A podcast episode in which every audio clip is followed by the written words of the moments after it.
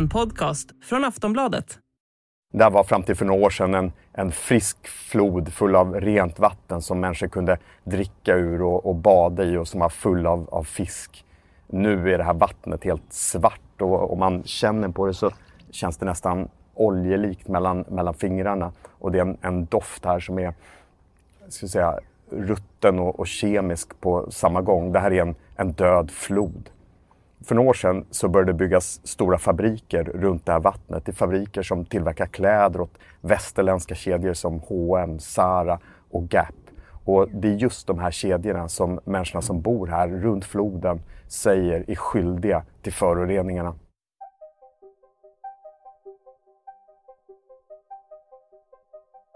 Över 100 miljarder klädesplagg tillverkas i världen varje år. Ja, du hörde rätt. Varje år. Och de flesta plagg används dessutom bara sju gånger innan de slängs. Under flera år så har vi sett hur modeindustrin bara växer och växer. Och begreppet fast fashion verkar också vara här för att stanna. Enligt Wikipedia så är fast fashion modekedjor som använder sig av låga priser, konstanta nyheter och en hög omsättningshastighet. Några klädjättar som använder sig av detta är H&M, Zara, Gina Tricot och jätten på marknaden Shein. Och trenderna går allt fortare och nya kollektioner släpps snabbare. Mellan januari och april i år så släppte H&M och Zara över 11 000 nya stilar. Jätten Shein lanserade 300 000. Det kallas för ultra fast fashion. I Bangladesh, landet som ligger mellan Indien och Myanmar, finns mängder av fabriker som tillverkar kläder åt klädjättarna. På kort tid så har det snabba modet kommit att stå för tre fjärdedelar av landets export. Förutom att arbetskraften är billig så är även vattnet billigt. Och svenska H&M är en av landets största kunder. H&M säger sig ta ansvar för såväl fabriksarbetare som för miljön. Enligt företaget så försäkrar man sina kunder att de köper kläder som är tillverkade på ett hållbart sätt i fabriker som respekterar både miljön och arbetarna. Och i Bangladesh så är det förbjudet att förstöra vattnet. Det finns lagar och regler för klädfabrikerna att de som färgar och tvättar kläderna måste använda sig av reningsverk. Trots det så fortsätter föroreningarna. Hur ser det ut i verkligheten egentligen? Aftonbladets reporter Staffan Lindberg och fotografen Lotte Fernevall åkte ner till Bangladesh för att granska H&M's klädtillverkning. De möttes av förorenade vatten, vatten som var färgat och stank, vatten som förklarats som biologiskt döda efter alla föroreningar. Hur har det blivit så här med klädfabrikerna? Vilket ansvar har H&M och andra klädjättar för miljön? Vilket ansvar har vi som köper kläderna? Och vad måste modeindustrin göra för att bättra sig? Det här det pratar vi om i det här avsnittet av Aftonbladet Daily. Jag heter Jenny Ågren. Och jag har med mig Staffan Lindberg, reporter hos oss på Aftonbladet. Och han får börja med att berätta varför han bestämde sig för att åka ner till Bangladesh. Ja, vi åkte dit för att, granska den här industrin för snabbmode. Bangladesh är vid sidan av Kina ett av de allra största länderna för, för produktion av, av, av den här typen av billiga modekläder som har kommit att kallas fast fashion. Eh, och det kommer väldigt mycket kläder därifrån till Sverige. Svenska H&M modekedjan är den allra största inköparen på plats. Eh, så vi ville se hur det ser ut på plats. Vi visste redan innan att, att klädindustrin har ett enormt miljö och klimatavtryck, står för 10% av alla, eh, allt utsläpp av koldioxid och eh, skapar väldigt mycket problem med förorenade floder. Samtidigt så säger då H&M eh, att från deras fabriker kommer inga föroreningar och, och det här vill vi se. Vi ville se vi, hur det såg ut på plats och, och stämma av verkligheten mot deras bild så att säga. Och hur var det när ni var på plats? Jag skulle säga att det var värre än vad vi hade kunnat tänka oss. Eh, det är så förorenat, man ser de här vattnen, det är svart oljeliknande vatten, tjockt, tjockt vatten som, som verkligen stinker, det luktar fruktansvärt där nere.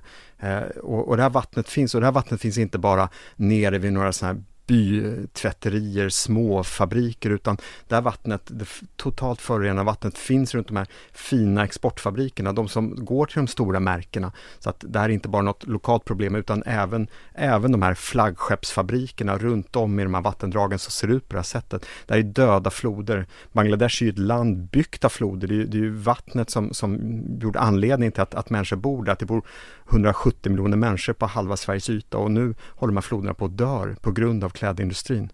Och hur påverkar det då invånarna eh, runt de här fabrikerna? Vi pratar med väldigt mycket människor runt de här fabrikerna såklart och, och på ett högst konkret och påtagligt sätt skulle jag säga.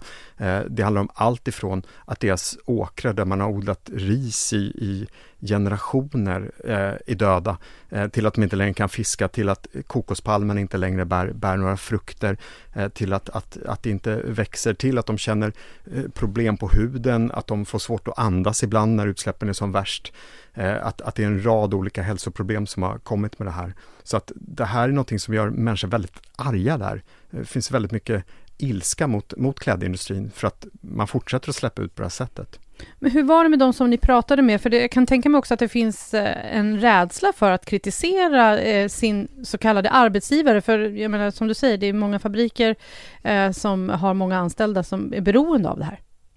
Det stämmer, det, det finns en sån rädsla, men jag blev ändå kan man säga, positivt överraskad att så många människor var beredda att, att kliva fram och, och, faktiskt peka ut de här fabrikerna som ju såklart är enorma arbetsgivare där, men att de ändå vågade göra det, vågade stå med, med, med namn och bild och, och, och, säga vilka det är som, som släpper ut. Så att trots detta så, så, finns det många människor som känner att, att det räcker nu, vi måste göra någonting åt det här och som, som verkligen vågar ta den risken att prata om det. Och det har blivit värre under ganska snabb, eh, kort tid har jag förstått det. Mm, det har det. det här, det här är ju någonting som hela tiden expanderar. Det blir fler och fler fabriker, mer och mer snabbmode som ska ut på export. Och, och samtidigt också, som vi förstod det, så, så finns det ett problem att under coronapandemin eh, och nu i och med kriget i Ukraina så, så har de stora klädköparna eh, till exempel svenska H men även andra pressat priserna väldigt, väldigt hårt mot de här fabrikerna och, och, då ökar, då blir de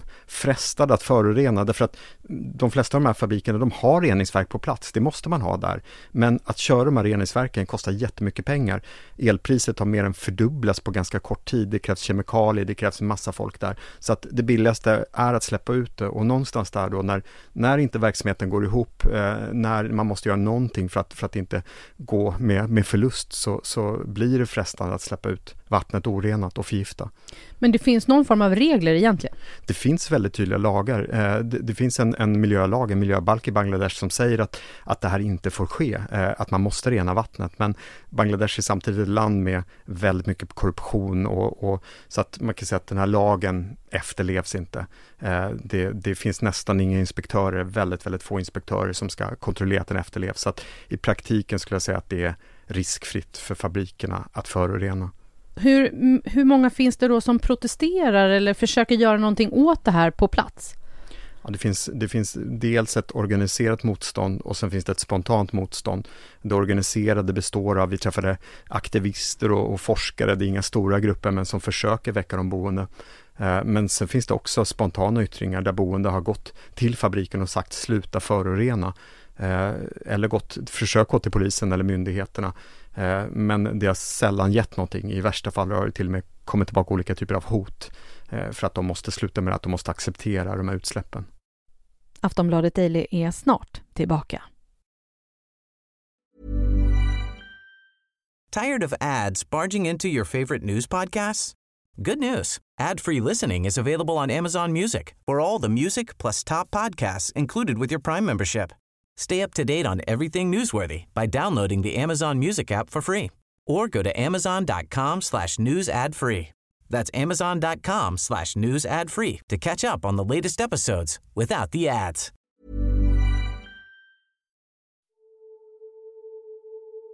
Så vad säger H&M själva om allt det här? Jo, så här.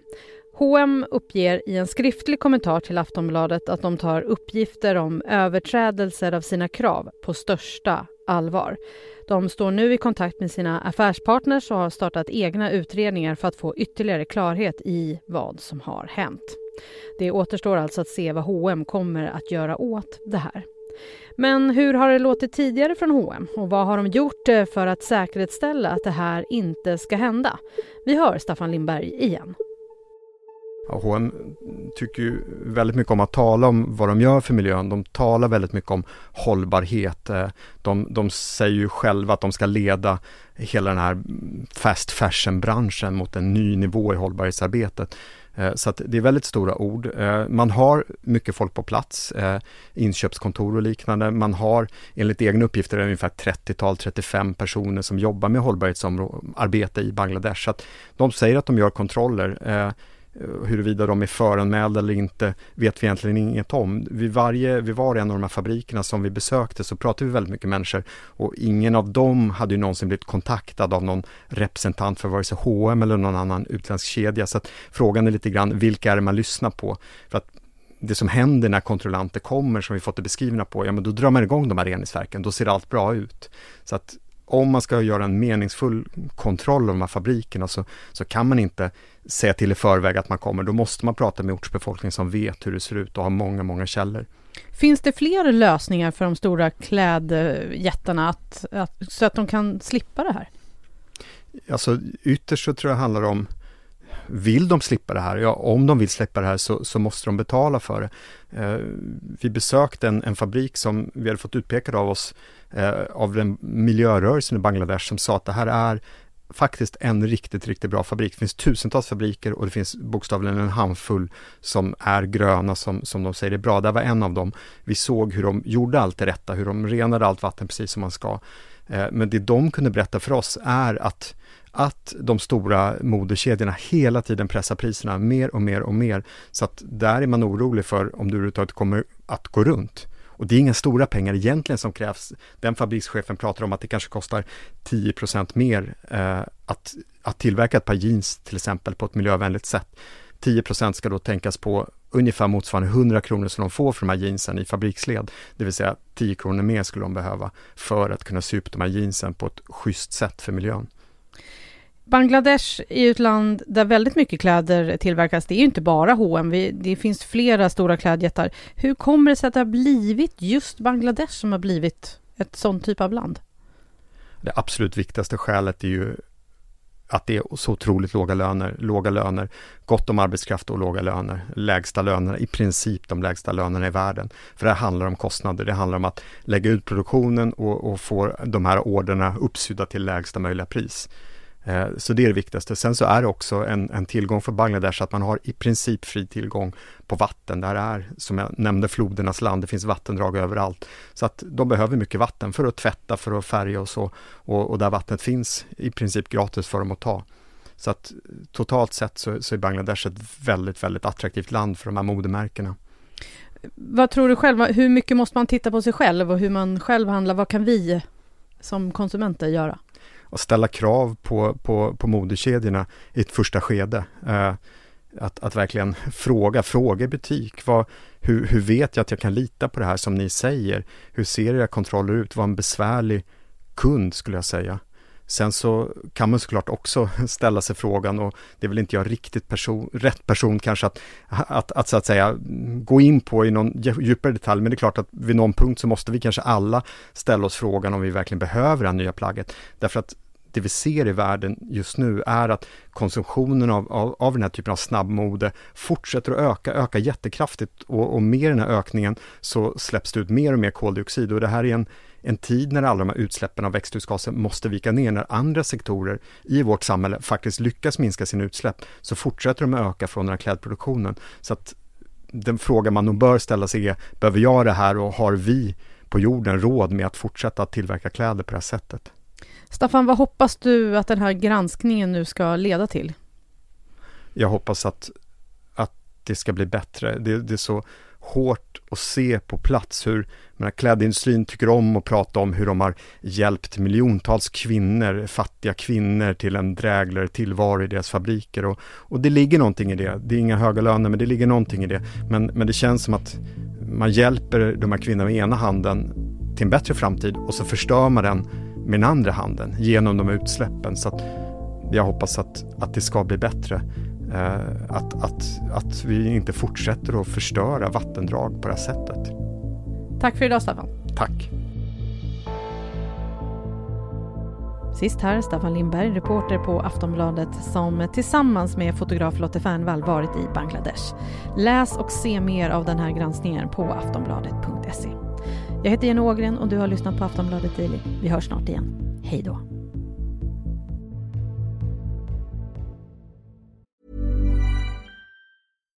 Millions of people have lost weight with personalized plans from Noom. Like Evan, who can't stand salads and still lost 50 pounds. Salads generally for most people are the easy button, right? For me, that wasn't an option. I never really was a salad guy. That's just not who I am. But Noom worked for me. Get your personalized plan today at Noom.com. Real Noom user compensated to provide their story. In four weeks, the typical Noom user can expect to lose one to two pounds per week. Individual results may vary. Du har lyssnat på en podcast från Aftonbladet. Ansvarig utgivare är Lena K Samuelsson.